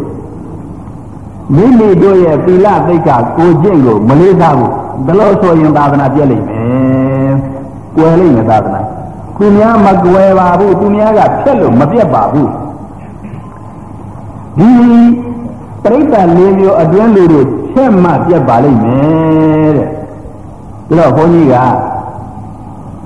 မကြာခဏဟောပါတယ်။ဒီမြန်မာနိုင်ငံလွတ်လပ်တော့မယ်လို့ဆိုကြတဲ့ကိုကတို့နိုင်ငံကိုတို့ဗုဒ္ဓမြတ်စွာရဲ့သာသနာနဲ့တက်သွားရအောင်လို့ဆိုပြီးတော့အနာဂတ်သာသနာကိုရေးပါတယ်အဲ့ဒီအနာဂတ်သာသနာမှာဟိုပြန်ကြားရေးဌာနကအတွင်းဝန် ထောက်ခံထားတယ်ဆိုတဲ့စာဟာသူများမဟုတ်ပါဘူးယခုဥတ္တံပါပဲထောက်ခံထားတာကျတော့ဟိုတော့ငါတကယ်အမျှော်မြင်ရှိတဲ့လူတွေကထောက်ခံပြီးတော့ဘာသာရေးကိုဘယ်လိုလုပ်ကြပါဆိုရဲ့လို့ဘုန်းကြီးကသင်ကြပြီးတော့ရေးပါတယ်။နောက်ကိုလည်းအကြောင်းတွေတိုင်းဟောပါတယ်။ဘုရားမြတ်စွာကိုမလေးစားလို့ရှိရင်သာသနာကွယ်ရမယ်။ ဒါလိုအမိတ်ရှိတဲ့အချက်ကိုစဉ်းစားကြစို့။ယခုဥပါဒကဥပါတိကဆိုတဲ့တရားဓမ္မတွေကဒီမြတ်စွာဘုရားကိုယဉ်ကျေးပြီးတော့ဘုရားပွဲလုပ်ကြတယ်အဲဒီဘုရားပွဲလုပ်တဲ့အခါမှာဘုရားဝဲလာတဲ့ဥပါဒကဥပါတိကဘောင်းကဘုရားကိုဘလောက်များလေးလေးစားစားနဲ့ ရှိကြကြပါလို့မြတ်စွာဘုရားကတိတ်တိတ်ဆိတ်ဆိတ်နဲ့ကျောင်းတော်ဆောက်တဲ့အခါမှာမြို့ရွာနဲ့တမိုင်လောက်ဝေးတဲ့နေရာမှာကျောင်းဆောက်ဖို့ရန်ဒီတော်ကျောင်းကြီးဆောက်တော့ရွေးချယ်ရတယ်။ယခုမြတ်စွာဘုရားရဲ့ကျောင်းတော်ထဲမှာမြတ်စွာဘုရားရဲ့ကျောင်းဝိုင်းဆိုတဲ့ဘုရားဝိုင်းထဲမှာဇတ်ရုပ်သေးအမျိုးမျိုးနဲ့ဘုရားပူဇော်တယ်လို့ဆိုတာဟာ ဘုရားကိုလေးစားတာလားဘုရားထဲမှာလူရှုပ်အောင်တွေးဆောင်တာလားဒါမဟုတ်ဘူးနော်သာသနာကွယ်ကြောင်းကိုဖြစ်နေလို့ဘုန်းကြီးကပြောတာနော်ပြီးတော့တပံမြတ်စွာဘုရားကိုဒီသံတော်ကြီးကတ်တယ်လို့ဆိုတယ်မြတ်စွာဘုရားတတ်တော်သင်္ကြမရှိတော့တဲ့အခါမှာသံတော်ကတ်လို့ရှိရင်ဘုန်း တော်ကြီးတပါးကိုသံကတ်တယ်လို့ပဲတပွဲပြင်ရပါတယ်အဲ့ဒီပြင်တဲ့ပွဲကိုမှမြတ်စွာဘုရားရဲ့ဝေယဝိသပြုပြီးပြီးတော့နေတဲ့ယဟန်ဘင်္ဂါရှိရင်ယဟန်ဘင်္ဂါကစားရပါတယ်ယဟန်ဘင်္ဂါမရှိလို့ရှိရင်ဘုရားရဲ့ဝေယဝိသပြုနေတဲ့ဥပဒကဥပတိကမတွေစားရပါတယ်ယခုလိုဝက်သားတုံးကြီးပြက်ကောင်းလုံးကြောကြီးမဟုတ်ပါဘူးပြီးတော့ တကယ်ဝိသေတုံကနတ်တင်ရကရောပြီးတော့ဘုရားကိုသွန်းတော်တင်တယ်လို့ဆိုတဲ့ဥစ္စာဟာဘာသာကြားတွေကမြင်တော့ဘယ်နဲ့ဖြစ်သွားတယ်လဲဘယ်နဲ့လဲဒါဖယားကဒီလိုတယ်လားဒီပွဲတွေလမ်းနေတဲ့သူသူညံ့ညံ့ကဖယားကြိုက်ထားတယ်လားအဲဗုဒ္ဓဘာသာဆိုတဲ့မြတ်စွာဘုရားကဗုဒ္ဓဘာသာရဲ့အရှင်ဖြစ်တဲ့မြတ်စွာဘုရားကတလောပွဲလမ်းတွေကိုကြိုက်လို့ပွဲလမ်းနဲ့ပူဇော်ရတာလား တလောကြက်ကောင်လုံးကြီးတွေပါကြီးတွေကြိုက်လို့ကြက်ကောင်လုံးကြီးတွေနဲ့ပူဇော်ရတာလားလို့ဆိုတဲ့ဥစ္စာကိုလက်ညှိုးထိုးပြီးတော့ပြပါတယ်လက်ညှိုးတို့ပြတော့ကိုနောက်ကလေးတွေကဒီခေပညာကိုတတ်ပြီးတော့လာတဲ့ကျောင်းသားတွေကသူတို့နဲ့ဝေဖန်ကြတယ်သူတို့နဲ့မေးကြဖြေကြတယ်အဲမိတ်ဆွေတို့ရဲ့ဖျားပွဲကဘယ်နဲ့တော့ပွဲတွေလမ်းတွေနဲ့မိတ်ဆွေတို့ဖျားကဒါကိုကြိုက်တယ်လားအဲ မိတ်ဆွေတို့ဖျားကိုပူဇော်တယ်ဆိုတဲ့ဆွမ်းတော်ပွဲကလည်းဘယ်လိုဘယ်လိုတွေပါတယ်ပြည့်ပြီးအလှပြင်းလို့မုံတွေအလှပြင်းလို့အသားတွေကြီးကြီးကျယ်ကျယ်နဲ့တာရီမိတ်ဆွေတို့ဘုရားကကြိုက်သလားလို့မေးတော့ဘုန်းကြီးတို့ရဲ့ဗုဒ္ဓဘာသာကလေးတွေမဖြေနိုင်ကြပါဘူးမဖြေနိုင်တော့သူတို့ကသဝေသဝါပြေးပြီးတော့ဟုတ်ပါတယ်တို့ဟာတွေကဘယ်နဲ့ဟာပါလိမ့်မတို့ဟောကလေးတွေပါသိပြလို့သဝေသဝါပြေးလို့ အဲ့ဒီသဝေသဝါဖြစ်ရကဗုဒ္ဓဘာသာဥယျာဉ်တွေရော့ရော့ရော့ရော့ရော့ရော့သွားဘုန်းတော်ကြီးတွေကိုပြုစုမဲ့တရားဓမ္မတွေနဲနဲနဲနဲသွားဆွမ်းကန်တောက်ပါမဲ့တရားဓမ္မတွေရော့ရော့ရော့ရော့သွားတဖြည်းဖြည်းပြဲပြဲပြဲပြဲသွားသာသနာမကွယ်ပဲသိပါမလားကွယ်မှာပေါ့ဒီကဘုရားမြတ်စွာကိုမယိုသေးဘူးနော်တရားတော်ကိုမယိုသေးမှုဆိုတဲ့ဥစ္စာဟာတရားကောင်းကောင်းမွန်မွန်ဟောကြပြီ ကောင်းကောင်းမနာခြင်းဘူးဒါတော့ထားပါတော့ပေါ့လေအရိယာဘင်္ဂါတော်တွေမယိုသေးဘူးဆိုတဲ့ဥစ္စာလည်းပဲခုခေတ်ပါလေသာသနာပြုတဲ့ဥစ္စာကိုဘုန်းကြီးကိုပြုနေရတာပါသာသနာပြုတာမဟုတ်ပါဘူးသာသနာတကယ်ပြုလို့ရှိရင်သာသနာတကယ်ကောင်းအောင်လုပ်ရမယ်မဟုတ်ပါဘူးခုတော့ဘုန်းကြီးကပြောလိုက်စမ်းကျင်တယ်ဒီဧကပဏိတာလိုချင်တဲ့ဘုန်းကြီးရဲ့တကာကအဲ့ဒီတကာကိုယ်တိုင်ကဧကပဏိတာမရရအောင်လိုက်ပြီးတော့လက်မှတ်ယူတဲ့ သသာသနာပြုတာလားကိုဘုန်းကြီးကိုမြောက်တာလားဘာအိဗယ်မှမရှိတာတွေလုပ်နေတယ်သသာသနာကွဲမဲ့ကွဲမဲ့မထိနိုင်လို့ကွဲမှာသာသနာကဗုဒ္ဓဘာသာလူမျိုးတွေကမထိရင်ကွဲမဲ့သာသနာဒါကြောင့်ဘုန်းကြီးကပြောပြောပြောပြောပြီးတော့နေတယ်ပြောနေမယ်ဘာလို့မှအေးမဆိုင်ကြပါဘူးဘုန်းကြီးသိပါတယ်အေးမဆိုင်လို့တရားမဟောရရစီနဲ့လို့သိုးနေတဲ့ဥစ္စာကိုခဏ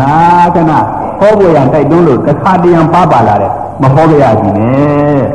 ဘာဖြစ်လဲဘုန်းကြီးတကယ်သာသနာပြုလို့ချင်းပိုက်ဆံတလောက်မကုံမဲနဲ့သာသနာလာတယ်သာသနာတိုးတက်လာတယ်ပိုက်ဆံတလောက်ကုံရမလို့ပါဘူးအလုံးဥပဒကဥပဒိကမတို့ရဲ့ကထိန်ဆိုတဲ့ဥစ္စာဟာပွဲတွေဘယ်လောက်များလာလဲဘုန်းတော်ကြီးတွေကကထိန်သင်္ကန်းမှာတပါးတပြည့်ပစ္စည်းရပါမှဒီကထိန်နဲ့မဆိုင်လာပါဘူးခုတော့မဟုတ်ဘူးနိုင်ငံခြားကနာယီကြီးတွေကောစောတွေဒါတွေကထိန်ချင်းနေတဲ့ ဘုန်းကြီးကပြောတယ်သာသနာတော့ပိုက်ဆံမကုန်ရဘူးသာသနာပြုတကယ်စစ်စစ်ကစားကြရရှိဖို့ရဲ့လေလုံးမိုးလုံးကြည့်ဖို့ရဒါပဲအရေးကြီးတယ်လေလုံးမိုးလုံးနဲ့မှန်မှန်ကန်ကန်စားနိုင်လို့ရှိရင်သာသနာမှာစာသင်နိုင်တယ်စာအားနိုင်တယ်စာချနိုင်တယ်ကမ္မဋ္ဌာန်းအားထုတ်နိုင်တယ်ဒါလောက်ကြောင်းကြီးကံကြီးတွေကြီးကျယ်မှစာအားနိုင်တာမဟုတ်ပါဘူးဒါလောက်ကြောင်းကြီးကံကြီးတွေကြီးကြီးကျယ်ကျယ်ကမ္မဋ္ဌာန်းအားထုတ်လို့အနှောက်အယှက်တောင်ဖြစ်သေးတယ် အဲ့တော့ဒါလောက်ပိုက်ဆံမကုံမဲနဲ့သာသနာပြုလို့ရရသားနဲ့ယခုတော့ပိုက်ဆံတွေကုံပြီးတော့သာသနာအတမမြောက်ဘူးသာသနာကွဲမယ်ဘယ်သူဖြစ်တော့ဒီဗုဒ္ဓဘာသာတွေဖြစ်တာပဲသာသနာဟာမြတ်စွာဘုရားရဲ့အမတန်မူမြတ်တဲ့သာသနာကိုသူများဖြတ်လို့မပြတ်ပါဘူးဖြတ်ကျင်နိုင်ပြတ်ပါမပြတ်ပါဘူးဘုန်းကြီးတို့ကြံ့ကြံ့ခံနိုင်ပါတယ်ယခုတော့ဘုန်းကြီးတို့အတွင်းကနေပြီးတော့ဖြတ်ကြတော့ဘယ်နဲ့လုပ်ပြီးတော့ဘုန်းကြီးတို့ခံမလဲဘုန်းကြီးเจ้าကိုကြက်တယ်ကြက်တယ်လို့ပြောတယ်တချို့ကိုယ်တော်တွေမနေခြင်းဘူးလို့ပြောတယ်ဘုန်းကြီးကပြောတယ်ကြက်မယ်ကြက်မယ်ပိုးကြက်မယ်ပိုးကြက်မယ်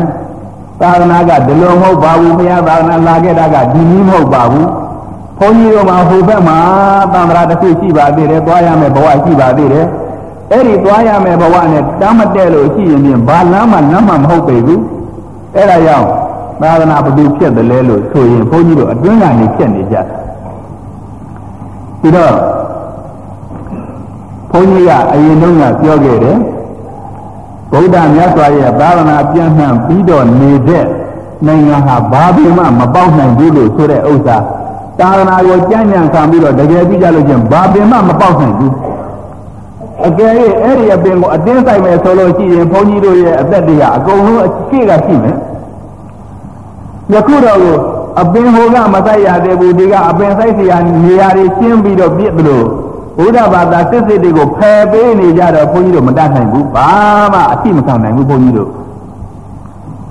ဒါကိုသိစေခြင်းလို့ဘုန်းကြီးမကြာခဏဟောပြပါတယ်ဒါပေမဲ့လို့ဘလောက်မှဘလောက်မှအရေးမကြီးဘူးအရေးမကြီးတော့ဘုန်းကြီးကဝန်းနေသလားဆိုတော့မနေပါဘူးကိုတရားအတိုင်းလုပ်တာပါ ကျောင်းမှာသင်္ကားတွေမရှိဘူးဆိုတော့ဝန်းမနေပါဘူးဝတရားအတိုင်းထိမ့်သိမ့်တာပါတရားဓမ္မတွေကအာဒီလိုတော့တပည့်တော်တို့ဒီလောက်တင်းကျပ်တဲ့ဘာသာကိုမကိုးကွယ်ခြင်းပါဘူးဆိုရင်မကိုးကွယ်ပဲပဲနေဖို့ပဲရှိတယ်မြတ်စွာဘုရားရဲ့ဘာသာကအင်မတန်သေးကြတယ်အင်မတန်ကြနာတယ်ပြီးတော့သုံးကြီးတစ်ခုပြောမယ်သိက္ခာကိုမလေးစားခြင်းဟာတဲ့သာသနာကွယ်ကြောင်းလို့ဆိုတယ် သိက္ခာမလေးစားခြင်းဆိုတာဘုန်းတော်ကြီးများကဘုန်းတော်ကြီးသိက္ခာကိုမလေးစားဘူးဥပဒကတွေကဥပဒကသိက္ခာကိုမလေးစားဘူးဆိုရင်သာသနာကွယ်မယ်ဘာလို့ကွယ်လဲလက်ညှိုးထိုးမယ်အာဘယ်နဲ့လဲဒီဗုဒ္ဓဘာသာလူတွေကယဟန်ဘာသာတော်တွေကဒီလိုရလားသူတို့ဘုရားကဒီလိုဟောတယ်လားလို့ဆိုတော့သူတို့ကဘုန်းကြီးတို့လက်လန်းမိတဲ့လူနဲ့ လက်လန်းမိတဲ့ဖြစ်ပညာတတ်တွေနဲ့ဆွေးနွေးကြရောဆွေးနွေးတော့ဖြစ်ပညာတတ်တဲ့သူတွေကလည်းဖြစ်ပညာပဲတတ်တယ်ဘာသာရေးကိုသူတို့လေးလေးပင်ပင်မရှိဘူးမနားမလဲဘူးဒီယောဂလာပဲသူတို့နားတယ်တော့ကိုကပြောလေသူတို့စိတ်တဲ့ဇဝေဇဝါဖြစ်လေကိုယ်ွယ်ခြင်းနဲ့စိတ်ကြီးရောလာလေအဲ့လိုဖြစ်တော့တဖြည်းဖြည်းဗုဒ္ဓဘာသာတွေပါပါပါပါပြီးတော့ ဗုဒ္ဓဘာသာဝင်လူဦးရေကရော့ရော့ရော့ရော့သွားရတော့မှာပဲရှိပြီးသားလူဦးရေလည်းပေါ့ပေါ့ကလေးပဲကိုယ်ကိုကြတော့တယ်ယဟန်တော်များကယဟန်သိက္ခာမယိုသေးုံများလို့ဆိုတော့လူတွေကကောခုညာသာသီလကိုတဲ့တဲ့ပြီးတော့အောင်ထောက်တည်ကြပါလို့ဆိုရင်ပဲဘာကလေးကတော့အဲမူသားကလေးကတော့မဖြစ်နိုင်တယ်လို့လို့မူသားမဖြစ်နိုင်တာကမှမဟုတ်နားကြလို့ကောင်းနေတယ် တချို့နေရာမှာဒိပြင်သိက္ခာပုဒ်တွေတောင်မှမထိန်နိုင်ဘူးတဲ့အဲသိက္ခာပုဒ်တစ်ပါးထိတ်မလို့လို့နှစ်ပါးထိတ်မလို့လို့ပြီးတော့သိက္ခာပုဒ်မှမထိန်တော့ကိုဘေးကဘယ်နဲ့လက်ညှိုးထိုးမလဲခင်ဗျားတို့ဗုဒ္ဓဘာသာလို့ဆိုတဲ့ဟိုလူတွေလေးကြည်သား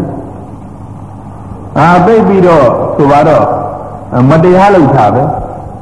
ဟိုသီလပြတ်တယ်လို့သူတို့မသိပေမဲ့မတရားသိလုပ်တာပဲအဲသူတို့ဘုရားကဒီလိုပဲလုပ်ရတယ်လို့ပြောသလားဟောသလားဆိုတော့သဝေသွားတယ်ဖြစ်လို့မြတ်စွာဘုရားကပဲခွင့်ပြုထားသလိုလိုဘာလို့လို့ဆိုတော့ဘုန်းကြီးကလေဒါတွေအကုန်လုံးယဟန်တော်များကယဟန်တော်သိက္ခာကိုထဲလို့သာဝေပရိယတွေကိုကြာကြာနာနာသင်လို့ ယဟန်တော်များကပညာရေးဖြစ်အားလျောစွာကလေးတွေပညာပြနိုင်အောင်ကြိုးစားလို့လူတွေကလည်းပဲဒီလောက်ကြောင်းကြီးကံကြီးတွေစောက်ဖို့မဟုတ်ပဲနဲ့စာရေးတော်ရေးပြည်စုံယုံကလေးကြိုးစားပြီးတော့ထောက်ပံ့လို့မိမိတို့ရဲ့သီလသိက္ခာလည်းမိမိတို့ထိန်လို့တို့တို့ဗုဒ္ဓမြတ်စွာရဲ့တရားတော်က၅ပါးသီလတော့မပြည့်ရဘူးငါးပါးသီလပြတ်တယ်ဆိုလို့ရှိရင်အပယ်လေးပါးကလွတ်ဖို့ရန်သိသိမချရဘူး ဆိုတော့ကျုပ်တို့ငါးပါးသီလတော့ကောင်းကောင်းကြီးလုံတာပဲလို့ဆိုရင်ဆိုတော့ဈေးရောင်ဈေးဝယ်ဘက်ကရောင်းတဲ့ဘက်ကလည်းငါးပါးသီလလုံလို့ဝယ်တဲ့ဘက်ကလည်းငါးပါးသီလလုံလို့တလောက်ရင်းလို့ရှိရင်တလောက်အမြတ်ရရမယ်ဆိုတဲ့ထုံးစံတိုင်းအမြတ်ယူလို့ဘယ်လိုများဆိုရင်ဘုဒ္ဓမြတ်စွာဘုရားမကွယ်ဘူးဘာဝါဒမှမလာနိုင်ဘူး ဘုန်းကြီးများကလည်းပဲလေကလေးတွေကိုပညာသင်ပေးနိုင်အောင်ကြိုးစားမယ်ဘယ်လောက်ကြိုးစားမလဲအများကြီးကြိုးစားမယ်ကျေးရွာနယ်ပယ်ကစပြီးတကလားဘုန်းတော်ကြီးတွေကကလေးတွေလိမ္မာရင်ကြည့်အောင်တာဝန်ယူမယ်အခြေခံပညာတော့တအောင်တာဝန်ယူမယ်ဒီလိုဆိုရင်ဘယ်ကလာပြီးတော့ဘာဝါဒကတိုးနိုင်အောင်မှာတော့ရပ်ပြီးရွာပါတွေကြည့်လိုက်တဲ့အပဝဇအကစားဗုဒ္ဓမြတ်စွာကမရှိရဘူးဆိုတဲ့တိုင်အားလုံးမရှိကြဘူး ဒေဝရလာပြီးတော့တိုးနိုင်အောင်မှာလဲယခုတော့ဗုဒ္ဓမြတ်စွာရဲ့ဝါဒကိုမိယောဖလာကလေးသူတို့ကမလို့လဲလို့လဲကိုးကွယ်ပြီးတော့သီလသိက္ခာလည်းမထိတ်ဘူးတယောက်တယောက်ညာတာမှုလည်းမလို့ဘူးကိုယ်ဘာသာကိုဗုဒ္ဓဘာသာသာဆိုတာလုတ်တဲ့ကိုင်းတဲ့အနေကတော့ဘာသာမရှိသလိုပဲလောက်ကင်နေကြတယ်ပြီးတော့ဘုရားဘာသာကဘယ်နဲ့လုပ်ပြီးတော့ကြားရှိခံနိုင်မှာတော့ ခံနိုင်အောင်တော့ဘယ်နဲ့လုပ်ပြီးတော့နိုင်ငံမှာအကျိုးပြုနိုင်အောင်မှာတော့အကျိုးမပြုနိုင်တဲ့ဘာသာဟာဘယ်နဲ့လုပ်ပြီးတော့ကြားရှိခံမှာလဲဒါကြောင့်မို့လို့အလုံးတော့ဘုန်းကြီးရဲ့ရည်ရွယ်ချက်ဟာမရနိုင်တော့ဘူးလို့လျှော့လိုက်ပြီးဆိုပါတော့တယောက်ချင်းတော့မလျှော့ကြသမ်းပါနဲ့ဘုန်းကြီးတို့တို့ရာဒီဘဝကောင်းကလေးကိုလွန်သွားလို့ရှိရင်တော့ဘုန်းကြီးရော ယခုအမတန်တရားတရားနဲ့လာတဲ့တချို့လူတွေရောကိုဘဝကြလို့ရှိရင်အမတန်ပူပန်းစရာတွေတွေ့ပါလိမ့်မယ်လို့ဣဒာခဏဝိရာဒေကိတတ္တမတ္တနိယမကံသီရတောအနုတဝေတိပေရိဝါယံဝဝါနိဇောဣဒာဝေယခုဖြစ်ရဘုဇေကကြုံဤလူဘုံ၌တတ္တမတ္တသူတော်ကောင်းတရားအစစ်အမှန်ဤ နိယမကံပဲ့ကိုင်းကြီးနှင့်တူလာစွာတော်တို့ဒီဘဝဟာပဲ့ကိုင်းကြီးပဲသူတော်ကောင်းတရားရဲ့ဟိုလေရင်မြန်ကြီးဆိုကြပါစို့သူတော်ကောင်းတရားပြုတော့လေရင်မြန်ကြီးကဘယ်တိအောင်သွားမလဲနိဗ္ဗာန်တိအောင်သွားမယ်အဲ့ဒီနိဗ္ဗာန်တိအောင်သွားမယ်သူတော်ကောင်းတရားပြုဟူတော့လေရင်မြန်ကြီးရဲ့ပဲ့ကိုင်းတာဒီဘဝပဲ ဒီဘဝကပဲ့ကင်တဲ့ဥစ္စာဟာပဲ့ပြက်သွားရင်ချော်သွားလို့ရှိရင်လေရင်ဂျုံလုံးမောက်ကုန်သွားတယ်လို့ပဲလေးပါသွားလိမ့်မယ်တတ္တမသာသူတော်ကောင်းတရားဤမြေယာမကံပဲ့ကင်ကြီးနှင့်တူလစွာသောခဏဘုဒ္ဓဘာဒဒုံလဘဟုကျုံရလင်တော့အခွင့်ကောင်းကြီးကိုယတိဝိရာတေသည်အကယ်၍ချွတ်ချော်သွားစေရန်ဧဝံပတိဤသို့ချွတ်ချော်၍သွားခဲ့ပြီရှိသော အယံပေရိဝဝါနိဇောဝါပေရိဝမြေရွယ်ကုန်ပြီအလောင်းရွယ်ကုန်ပြီရောင်ဒေဝတာအလောင်းကဲ့သို့ရှိတုံးကဒီရွယ်ကုန်ပြီလို့အလုံးကအတိတ်ပဲပြောနေတယ်ရွယ်ကုန်ပြီမဟုတ်လို့ရှိရင်လည်းပလဲတို့ဘာတို့ပတိကုံကလေးတွေဟိုကလားတွေလဲပြီးတော့ရောင်းတယ်လို့ပေါ့လေရင်မွေးတဲ့စီလဲရောင်းတယ်လို့အဲ့လိုလဲပြီးတော့ရောင်းတဲ့ကုံတွေနှစ်ယောက် အိတ်ကလေးလွယ်လို့တမျိုးကတမျိုးလှည့်ပြီးတော့သွားနေကြတနေ့ကြတော့ကုံလေမရောက်မြို့တမျိုးကိုဝင်မဲလို့လို့တော့သိကံထားတယ်ဟိုတယောက်ဝင်တဲ့လမ်းကိုတယောက်ကမဝင်ရဘူးနော်အဲ့ဒီလိုထွက်ပြီးမှနောက်တယောက်ကဝင်ရမယ်နော်အဲ့လိုစိကံထားပြီးတော့မြို့ကိုဝင်သွားကြ ညာပြီးတော့ကိုယ်လန်းတဲ့ကိုဝင်သွားတယ်ဝင်သွားတော့တအိမ်မှာရှင်းတော့ကတထေးအဆက်ဆက်ခုတော့လူတွေလည်းပဲသေးလို့ပစ္စည်းတွေလည်းကုန်လို့မြို့ပွားနှစ်ယောက်ပဲကြံတယ်တထေးမျိုးတန်းတဲ့ဟိုကဆိုတော့ရွယ်တယ်ရွယ်တယ်လို့ဒီရောက်နေတော့ကြီးကလေးက ဟောဖွားရဲ့အဲဒီကစားဖို့လေအဲဝယ်ပေးစမ်းပါလို့ဆိုတော့ဖွားကတို့ကဘာမှလည်းပိုက်ဆံလည်းမရှိဘူးဝယ်ကြတယ်ဖွားရဲ့တခုခုနဲ့ကြာပြီးတော့ဝယ်ပေးစမ်းပါလို့ပူဇာတာနဲ့ခေါ်လိုက်ရတယ်ခေါ်တာခေါ်လိုက်ရတယ်ပိုက်ဆံပေးစရာမရှိဘူးတန်းတဲ့ဟိုအကျိုးကြဒီအကျိုးကြချပြီးတော့နှိုက်တော့ဒီရေသုံးရေထက်ပြီးတော့ခတ်နေတဲ့ ရေခွက်ကြီးတစ်ခွက်မြင်လို့မောင်ရဲ့အဖွားတို့အတော်တို့ပိုက်ဆံနဲ့မရှိပါဘူးဟောဒီခွက်နဲ့လေညသမျှကလေးမောင်တူမကလေးကစားရအောင်ဆင်ရအောင်ညသမျှကလေးပေးခဲ့ပါလို့တောင်းတောင်းပန်ပန်နဲ့ခွက်ကြီးထုတ်ပြရေခွက်ရေခွက်ရေခွက်ထုတ်ပြတော့လူကနားလဲတဲ့သူဖြစ်တော့ရေခွက်အမှတ်တမဲ့နဲ့အဲချုပ်ကြည့်တော့ ရေခွက်ကြီးကရွှေခွက်ဖြစ်နေတယ်ရွှေမှရွှေကောင်းကြီးဟောင်းသွားပြီးတော့အညစ်အကြေးတွေတက်နေလို့သာရေခွက်ကြီးလို့ထင်ရတာတကယ်ရွှေစစ်ကြီးဖြစ်နေတော့အာငါတော့ဒီခွက်တော့အလွယ်တကူနဲ့ရမှာပဲလို့စိတ်ထဲကလောဘဖြစ်ပြီလေလွှင့်ပြလိုက်တယ်အလကဒီခွက်နဲ့တော့ဘာပေးနိုင်ပါမတုံးလို့သူကလွှင့်ပြလိုက်တယ်စိတ်နော်စိတ်စိတ်စိတ်စိတ်ဒီရွှေခွက်မှန်းသိတယ် ချောင်းချောင်းလဲလဲနဲ့ရအောင်လို့ဆိုပြီးတော့ရွှေခွက်ဟန်လို့ပြီးတော့လွှင့်ပြလိုက်တယ်လွှင့်ပြလိုက်ပြီးတော့အာဒါဘာလို့ရမှာလဲဘာလဲညာလဲဆိုပြီးတော့မိတုံတောက်တီးပြီးတော့သူကဟန်လို့ပြီးတော့ထွက်သွားဟိုကအတော်ကြီးကကွဲတော့လည်းဘာမှမရှိလို့လောရတာပဲဆိုပြီးတော့ဒီခွက်ကလေးပြန်ကောက်မင်းကလေးလည်းပဲမျက်နှာငယ်ကလေးနဲ့ကြည့်နေရဲ့နောက်ဒီလူကဒီလမ်းကထွက်သွားတော့နောက်တယောက်လာပြန် ဘယ်လိုပဲရောက်မြန်တော့အဖွားရဲ့ဟောခေါ်ဆောင်မှာဟောတယောက်လာပြန်ပြီမခေါ်ပါနဲ့ငါမီးရဲ့ခုနကလည်းပြောသွားလိုက်တာအဖွားတို့ပိုက်ဆံမရှိရတဲ့အပြင်သူကပြောဆိုသွားလိုက်တာအဖွားတို့နာပါတယ်မခေါ်ပါနဲ့အဖွားရဲ့ဟောဒီသူကတော့လေမျက်နာကတော်တော်ချွေတယ်နော်မိန်းကလေးကလည်းအကဲခတ်တယ်မျက်နာကတော်တော်ချွေတယ်အဖွားရဲ့တနာကျင်တနာမှာပါအဖွားရဲ့ခေါ်ဆောင်ပါအောင်ဆိုတော့ခေါ်လိုက်ရပြန်ခေါ်လိုက်ပြီးတော့ခုနကလိုပဲခွက်ကြည့်ပြရတော့ သိသိချာချာကြည့်အတော်ကြီးရဲ့ဒီခွက်ကတော့ကာမမဟုတ်ဘူးတော့ကြီးရွှေခွက်ကြီးရွှေမကောင်းလိုက်တာဒီခွက်နဲ့တန်တဲ့ပစ္စည်းတော့ကျုပ်ဒီကပါတော့မပါဘူးလို့ပြောတော့အောက်မလီမောင်ရဲ့မောက်ကံကြောင့်ရွှေခွက်ဖြစ်သွားသမားရဲ့ခုနကလူကတော့ပြောသွားလိုက်တာအလကနှစ်ပြားမှမတန်တော့ပြောသွားတယ်မောင်မပေးခြင်းတော့ပေးခဲ့ပေးခြင်းတော့ပေးခဲ့မဲကောင်းလိုက်တာ ဒါဖြင့်ဒီလိုတော်ရက်တော့ပါကျွန်တော်ရောင်းလာတဲ့ဥစ္စာငွေ900ရပါတယ်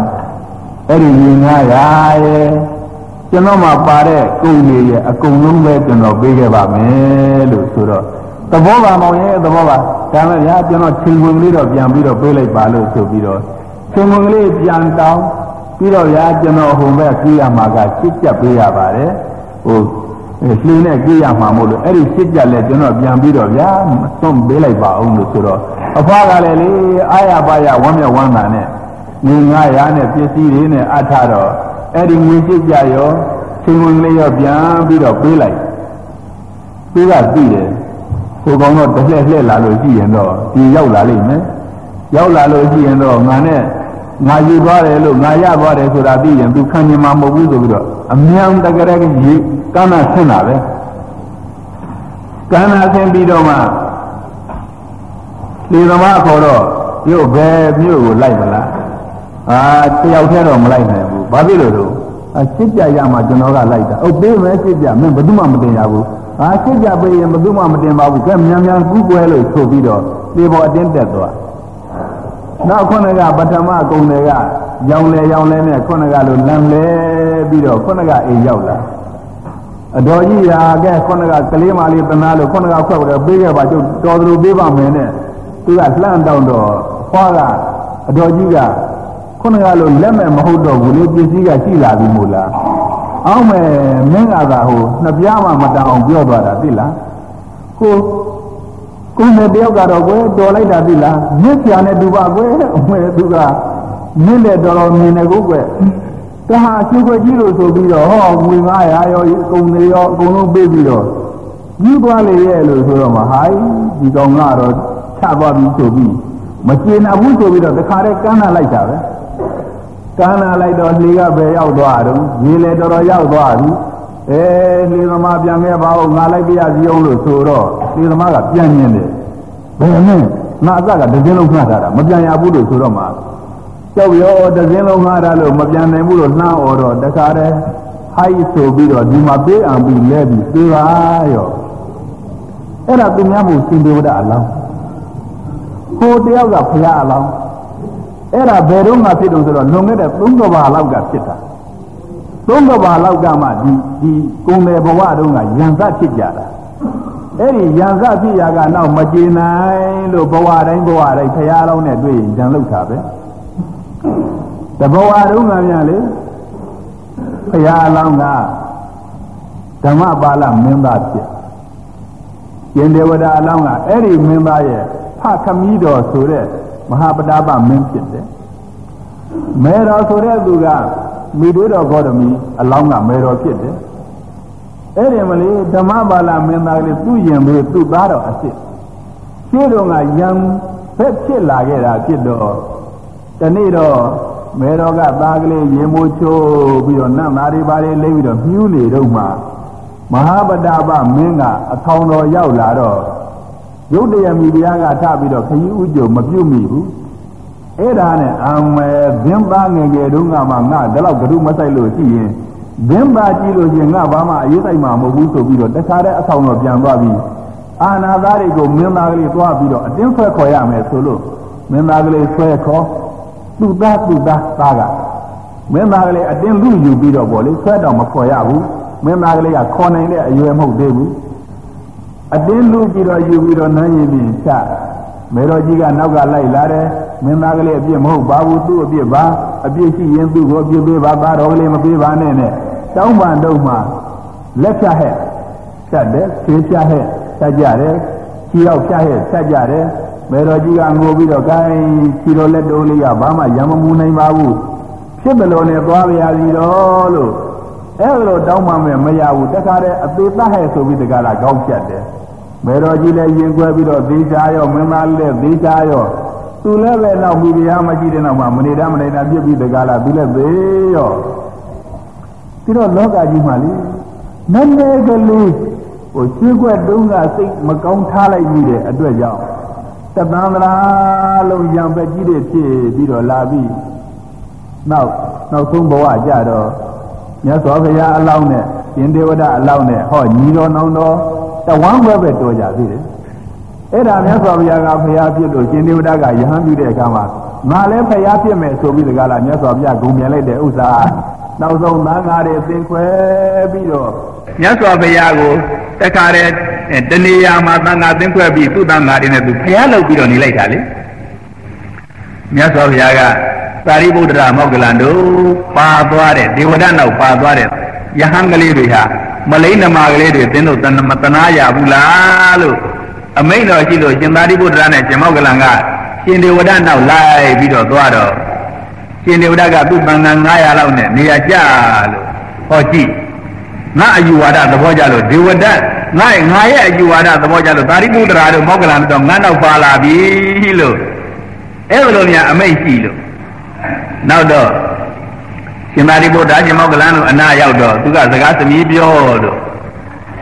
ပြောပြီးတော့သူ့ကိုယ်သူဖျားလို့ထင်ပြီးတကားလားဖျားသံအနေမျိုးနဲ့ဖျားအပြောမျိုးနဲ့ပြောပြီးတော့ သာရိပုတ္တရာအရှင်သာရိပုတ္တရာအဲမိမိမတော့ပြင်ခါးတွေပါညောင်းနေပြီခဏတည်းလှဲအောင်မယ်ယဟန်တော်တွေကိုအဲတရားပေးပါလို့တရားဟောပါလို့တိုက်တွန်းပြီးတော့သူကအတွင်းဝင်ပြီးတော့ခဏလှဲလိုက်တာဒါကဘုရားလိုရိုးထုံးစံရှိတယ်မြတ်စွာဘုရားကခါတော်ညောင်းတဲ့အခါရှင်သာရိပုတ္တရာတရားဟောခိုင်းပြီးတော့အတွင်းမှာခဏလှဲလို့နားထောင်ပြီးတော့နေတယ်ရှင်ဒေဝဒကလည်းအတွင်းဝင်ပြီးတကားလားသူကလှဲလိုက်တာ သူကတော့တကယ်ပင်ပန်းပြီးတော့အဟုတ်ကိုအိပ်ပျော်သွားရောရှင်ဒေဝဒလည်းအိပ်ပျော်သွားရောရှင်သာရိပုတ္တကယဟန်တော်လေးတွေတရားဟောလို့ရှင်မောကလန်ကတကူပြလို့နှစ်ပတ်မြန်မြန်ကြီးခြေချွတ်လိုက်တဲ့ဥစ္စာယဟန်တော်လေးတွေလေတခါတည်းတရားရပြီးတော့သူသွားတော့မယ်အပင်တို့ဒီမှာနေကြမလားဖះစီလိုက်ကြမလားလို့ဆိုတော့အလုံးယဟန်900ကလုံးဖះစီလိုက်ပါတော့မယ်လို့ဆိုပြီးတော့ရှင်သာရိပုတ္တရာရှင်မောကလန်တော့လည်းပါသွားရော ရှင်ဒေဝဒရဲ့လက်တောက်ကြီးဖြစ်တဲ့ရှင်ကောဂာလိကကတခါတည်းဝင်ပြီးတကလားစာစုကပြင်ဒူးနဲ့တိုက်တယ်လို့ပဲပြောတာပဲလေတခါတည်းယဟန်တွေပါသွားပြီလို့ဆိုတော့ရှင်ဒေဝဒဟာအမတန်ကြီးပူပန်ပြီးတကားလားတဖြည်းဖြည်းတွေးအောင်လာလိုက်တာမစားနိုင်မတော့နိုင်တွေးရန်မစားနိုင်မတော့နိုင်တွေးရန်ခုနလလောက်ကြာတော့မှမျောလင်းကျမရှိတော့မှငါကို မြတ်စွာဘုရားစီပို့ကြပါနောင်တော်ဘုရားစီပို့ကြပါပြီးတော့ဘုရားကောက်ကလေးကတော့ဘယ်တစ်သက်လုံးရံလောက်လာပြီးတော့ခုမှဟိုးလို့ဘယ်ဖြစ်မှာတော့မဟုတ်ပါဘူးငါကသာရံလောက်တာပါနောင်တော်ကငါကိုရံမလောက်ပါဘူးနောင်တော်စီပို့ကြပါနောင်တော်စီပို့ကြပါလို့တိုက်တွန်းတော့ညောင်ဆောင်လေးနဲ့ထမ်းပြီးတော့ယူလာကြတယ်လေအတော်ခကြီးဝိုးတွေကယူလာရတာဖြစ်တော့ဇေရုံအကြောင်းလောက်ရောက်ရင်ပဲခဏကလေးချကြတယ်ညောင်ဆောင်ချ ညောင်ဆောင်ကလေးခဏချလိုက်တယ်ဆိုရင်ရှင်ဒေဝဒကလည်းပူလွန်းလို့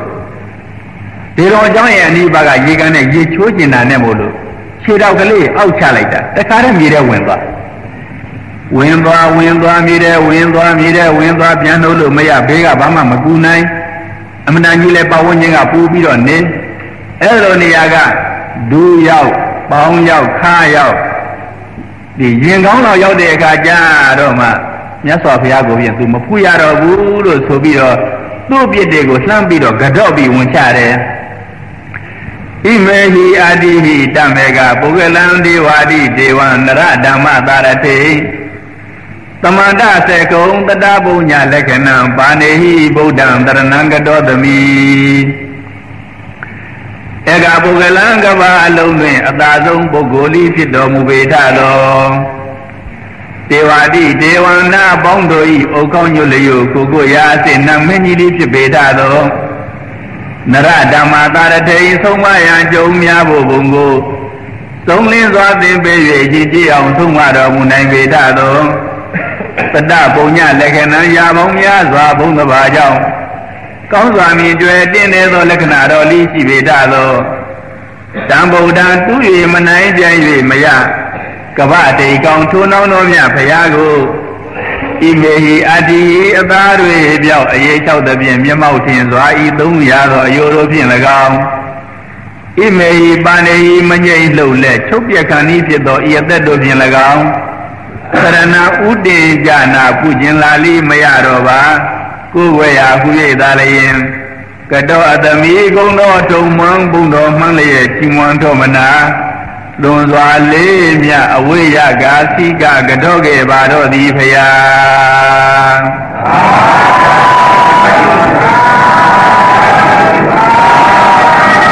တက္ကပုဂ္ဂလံကဘာအလုံးတွင်အသာဆုံးပုဂ္ဂိုလ်ဤဖြစ်တော်မူပေထတော်ဘုန်းကြီးတို့ဖရာကိုလေဘုန်းကြီးတို့ကအနာကနေပြီးတော့တရားတော်တွေသိကြရလို့မြတ်စွာဘုရားရဲ့အတုမရှိအပါဆုံးဖြစ်တာကိုဘုန်းကြီးတို့ တိတိကာကယုံကြည်နေတယ်နော်အရှင်ဒေဝဒတ်ကလည်းမြတ်စွာဘုရားပြိုင်လို့သာပြိုင်နေတာရှေ့ကိုကရံညိုးပါလာလို့ပြိုင်နေတာမြတ်စွာဘုရားရဲ့အသာဆုံးဖြစ်နေတာတော့သူလည်းနားလေတယ်နော်ဧကပုဂ္ဂလံကဘာအလုံးတွင်အသာဆုံးပုဂ္ဂိုလ်ဤဖြစ်တော်မူပေတသောဒေဝတိဒေဝနာအပေါင်းတို့ဤဩကောင်းညွတ်လျုခိုကိုရာအသက်ဝိသုဒ္ဓိနမင်းကြီးလေးဖြစ်တော်မူပေတသော တစ်ပင်နတ်တွေပြမပြီမြတ်စွာဘုရားလာပြီးတော့ဥတိုက်ကြရတယ်။ဘာဖြစ်လို့ဥတိုက်လဲ။သီလဂုံအပြင်နတ်တွေပြမာတွေတဲ့သားတယ်။ပမာရိဂုံအပြင်နတ်တွေပြမာတွေတဲ့သားတယ်။ပညာဂုံအပြင်နတ်တွေပြမာတွေနဲ့နှိုင်းခြင်းလို့လုံးလုံးကမှမရဘူး။အဲ့ဒါကြောင့်အိုးတို့တဲ့သားတယ်။ယဟနာပြမာကြီးကလည်းတို့တဲ့သားတယ်။အဲ့ဒါလိုအနေအချင်းနတ်တွေပြမာတွေလာပြီးတကားလားဥတိုက်ကြရတဲ့တကယ်ထိတ်ခေါင်တင်နတ်ကြီးပါပဲလို့ တေဝတိဒေဝနာအပေါင်းတို့ဤအိုကောင်းညိုလျိုခိုကိုရာအစေဝိသုဒ္ဓိနမင်းကြီးလေးဖြစ်ပေတသောနရဓမ္မတာရထိန်ဆုံးမရန်ကြုံများဖို့ဘုံကိုသုံးလင်းစွာသင်ပေး၍ရည်ကြည်အောင်ဆုံးမတော်မူနိုင်ပေတသောဘုရားရှင်ကိုယ်တော်မြတ်ကလေ45ဝါကာလပတ်လုံးတရားသူရအောင်ခြေချိုးပြီးတော့နေလိုက်တာတချို့လဲခက်ကြမ်းကြမ်းဆုံးမမှရမယ်ဆိုရင်ခက်ကြမ်းကြမ်းဆုံးမပြီးတော့တရားဟောတယ် နန္ဒောပဏ္ဏနဂါမင်းတို့ဘာလို့ဆုံးမတဲ့အခါကျတော့ရှင်မောက္ကလမှာဝိုင်းပြီးတော့ခတ်ကြမ်းကြမ်းဆုံးမပြီးတော့တရားဟောတယ်တချို့တရားတော်လည်းသိမ့်သိမ့်မွေ့မွေ့နဲ့တရားဟောမြတ်စွာဘုရားလေးအားရစရာကောင်းလိုက်တာဟောတခါများလေးဆုံးခံကြတော်မူရင်ကလေးတွေမွေရိုက်နေတာမြင်လို့ကလေးများဘာလို့ကြတယ်မွေရိုက်တယ်ဗျဒီမွေကြီးကအမှန်ဆိုလို့ဟိုကိုချင်းဆိုင်ပါလားကလေးများရိုက်လို့ရှိရင်ကလေးများမတယ်နော် နရဓမ္မတာရတိန်ဆုံးမယံကြုံများဖို့ဘုံကိုစုံလင်းစွာသင်ပေး၍ရည်ကြည်အောင်ဆုံးမတော်မူနိုင်ပေတသောပတ္တပုညလက္ခဏာရာပေါင်းများစွာဘုံတစ်ပါးကြောင့်ကောင်းစွာမြင်ကြွယ်တင်းတဲ့သောလက္ခဏာတော်သည်ရှိပေတသောတံဗုဒ္ဓသူ၍မနိုင်ပြိုင်၍မရကပ္ပစိတ်ကောင်းထိုးနှောင်းတော်မြတ်ဘုရားကို ဣမေဟိအတ္တိအသားတွေပြောက်အေ၆သဖြင့်မျက်မှောက်ထင်စွာဤသုံးရာသောအယိုတို့ဖြင့်၎င်းအသက်အပ်ပြီးတော့ဒီမှာဘုရားကိုးကွယ်သွားတယ်နော်ဣမေဟိပါနေဟိမငိမ့်လှုပ်လက်ချုပ်ပြက်ခံဤဖြစ်သောဤအသက်တို့ဖြင့်၎င်းတရဏဥတေကြနာဖူခြင်းလာလိမရတော့ပါကိုယ်ဝဲရာဟူ၍သာလေလို့ဘုန်းကြီးကလေအရှင်ဒေဝဒတခါတည်းဘုရားနာရောက်စေခြင်းလိုက်တာ။ ဩရှင်ဒေဝဒတ်ကဘုရားနာရောက်တော့သူ့နောင်တော်လေအာရပါရတကယ်အပြစ်တွေဥချပြီးတော့တောင်းပန်ပြီးတော့ကြော့လိုက်မဲ့ဖြစ်ချင်းလို့ဘုန်းကြီးစိတ်ထဲမှာလေတွေးပြီးတော့ရောက်စေခြင်းလိုက်တာဘုန်းကြီးကလည်းလေရှင်ဒေဝဒတ်များအလုံးကအထင်သေးပြီးတော့ဒေဝဒတ်ကြီးဒေဝဒတ်ကြီးနဲ့ပြောပေမဲ့ဘုန်းကြီးကအထင်မသေးရဘူးနော်ရှင်ဒေဝဒတ်လေဒီလိုကြော့ပြီးတော့မြေမျိုးပြီးသွားပေမဲ့လို့ အဝိဇ္ဇိကတက်လာလို့ရှိရင်ပိစိကဗုဒ္ဓဖြစ်မယ်လို့ဘုရားရှင်ကိုယ်တော်မြတ်ဗျာဒိတ်ပေးတယ်နော်။ဘာဖြစ်လို့လဲလို့ဆိုတော့မြတ်စွာဘုရားကိုတိတ်ကြည်ညိုသွားတယ်။တိတ်အပြစ်တွေကိုသူဝန်ချပြီးတော့သွားတယ်။ဒါကြောင့်အပြစ်တွေလွန်သွားလို့အဝိဇ္ဇိကြရပေမဲ့လို့အဝိဇ္ဇိကတက်လာလို့ရှိရင်အဲ့ဒီကုသိုလ်တွေကထောက်ခံပြီးတကလားပါရမီတွေထပ်ပြီးလို့ပိစိကဗုဒ္ဓဖြစ်လိမ့်မယ်လို့ဘုရားရှင်ကိုယ်တော်မြတ်ဗျာဒိတ်ပေးတော်မူပြီးသားဖြစ်တယ်ဘုန်းကြီးတို့ယခုရောက်လာတဲ့ပြိတ္တတွေကဗျာဒိတ်ရခြင်းမှရမယ် ရပြီးသားတချို့လည်းဖြစ်ခြင်းဖြစ်မယ်ပေါ့လေဒါတော့အရှင်ဒေဝဒကိုဘုန်းကြီးကအထင်မသေးပါဘူးနော်ဣမေဟိအတ္တိတမေကပုဂ္ဂလံဒေဝတိဒေဝနရဓမ္မသာရထေသမန္တစေကုံတတပုညလက္ခဏံပါနေဟိဗုဒ္ဓံတရဏံကတောသမိလို့အဲ့လိုဥချပြီးတော့မြည်မြုပ်သွားတယ်ပြီးတော့ဘုန်းကြီးကရှင်ဒေဝဒတ်တို့ရဲ့ရှေးအောင်နှောင့်ပြစ်တွေပြန်ပြီးတော့စဉ်းစားတော့ရှုွက်ကလေးဘဝတုန်းက အဲရွယ်ကုန်ဒီဘဝတုန်းကရှုွက်ကလေးကိစ္စနဲ့မြည်မြုပ်ရတဲ့အထိဘဝဘုံမြတ်စွာရံပက်တဲ့ပြုပြီးတကလားမြည်မြုပ်ရတဲ့အထိဖြစ်ရတယ်နော်လို့ဒါကြောင့်အားလုံးကိုယခုတရားနာလာတဲ့ပုဂ္ဂိုလ်တွေဟာလေမတရားတော့ဘယ်တော့မှမလုပ်ကြပါနဲ့နဲ့နဲ့ကလေးမတရားလုပ်လို့ကိုယ်နဲ့ရှင်ဘက်သူကတကယ်သူတော်ကောင်းတွေများသွားပြီးတကားလားရှင်ပြီလို့ရှိရင်မိမိမှာဘဝဆက်တဲ့အများကြီးနစ်နာပါလိမ့်မယ်။ ဒါကြောင့်ယခုဘဝဟာအင်မတန်ကောင်းတဲ့ဘဝအင်မတန်ကောင်းတဲ့ဘဝရလို့ရှိရင်အင်မတန်ကောင်းတဲ့နည်းနဲ့သူတော်ကောင်းလုပ်ကြမှာသင်လျော်တော့မယ်။သူတော်ကောင်းမလုပ်ဘဲနဲ့အမှတ်တမဲ့သာဆိုလို့ရှိရင်ဒီဘဝရကြိုးမနာပဲ့နဲ့သံဃာမှာသူများလို့တလဲတဲ့လေပြီးတကားလားနေတဲ့အစားထဲမှာရောက်သွားပါလိမ့်မယ်။ဒါကြောင့်ငါဟာလေပြားရိတ်ရသည်ဖြစ်စေမရသည်ဖြစ်စေကျွတ်တန်းဝင်တဲ့သူတော်ကောင်းတစ်ယောက်ဖြစ်စေရမယ်လို့အဲ့လိုနှလုံးထားပြီးတကားလားငါးပါးသီလကိုနှစ်နှစ်ကာကာဆောက်တည်လို့ ဘုရားတရားသံဃာကိစ္စတွေကိုတရားသဖြင့်ဖြစ်အောင်ကြိုးစားလို့ယခုလိုအမောအကျွားပကာသနာဂုံဂုံပကာသနာဒါနတွေဘုရားပွဲကြောင်းပွဲအပြောပါတယ်အဲ့ဓာတွေကြောင်းချပြီးတကားလားဘုရားစစ်ဘုရားမှန်တရားစစ်တရားမှန်သံဃာစစ်သံဃာမှန်ကိုကိုးကွယ်ပြီးတကားလားမိမိတို့ကိုယ်တိုင်ဥပဒကဥပဒိကမှာသူတော်ကောင်းစေစစ်ဖြစ်ပြီးတော့ပါရမီရင်ကြောင့်ကုသိုလ်ကောင်းမှုကိုကြိုးစားနေတဲ့သူပဲလို့အဲ့ဒါလိုဖြစ်အောင်ဒိဋ္ဌံပြီးတကလားကိုစီကုံက သူတော်ကောင်းစစ်စစ်ဖြစ်အောင်ကြိုးစားနိုင်ကြစေကုန်သတည်း